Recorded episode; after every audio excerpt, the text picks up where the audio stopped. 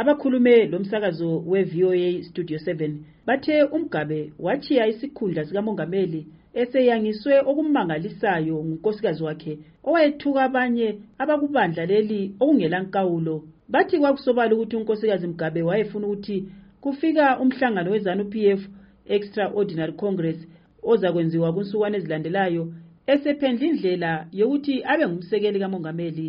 Bathi lokhu kwakuzakwenza ukuthi agcine esengena esikhundleni sikamongameli ngoba umkakhe wayesekhanya ukuthi usephela amandla ngenxa yokuluphala.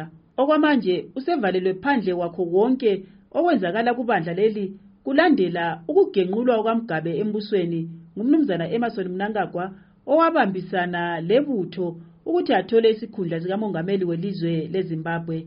Omunye walabo abathi unkosikazi mgabe wenza ukuthi umkakhe achiye umsebenzi.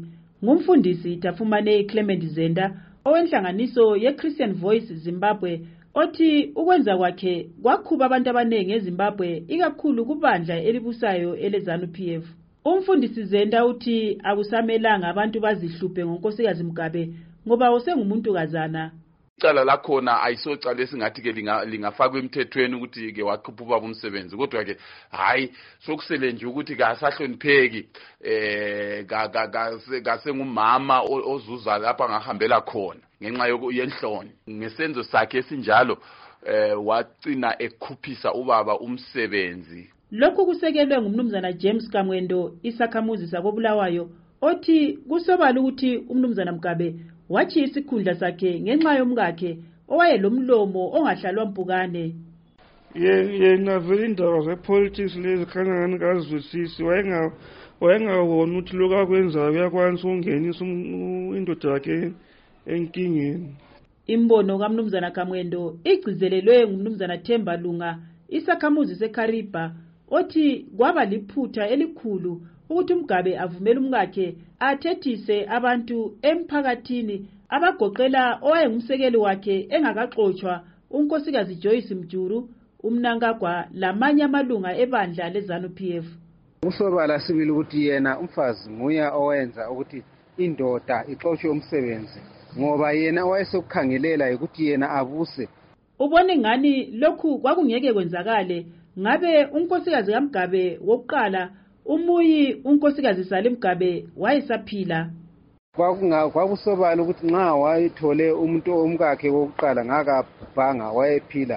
Wayezakwanisa ukuthi emkhulume laye ukuthi achiye umsebenzi izinto zisalungile.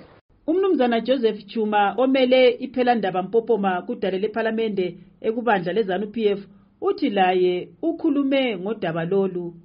Eh lami ngibona ngani kungaba njalo sibili ngoba into eyahlukumeza uzulu labantu bonke nje ikhonokwana indlela ade seziphatha ngayo okuthi kona indawo zonke sehamba esengothethisayo kumbe kusemaralini and west off i think lapho sinto okwahle kwaba yi-cutting point ukuthethisa use-church.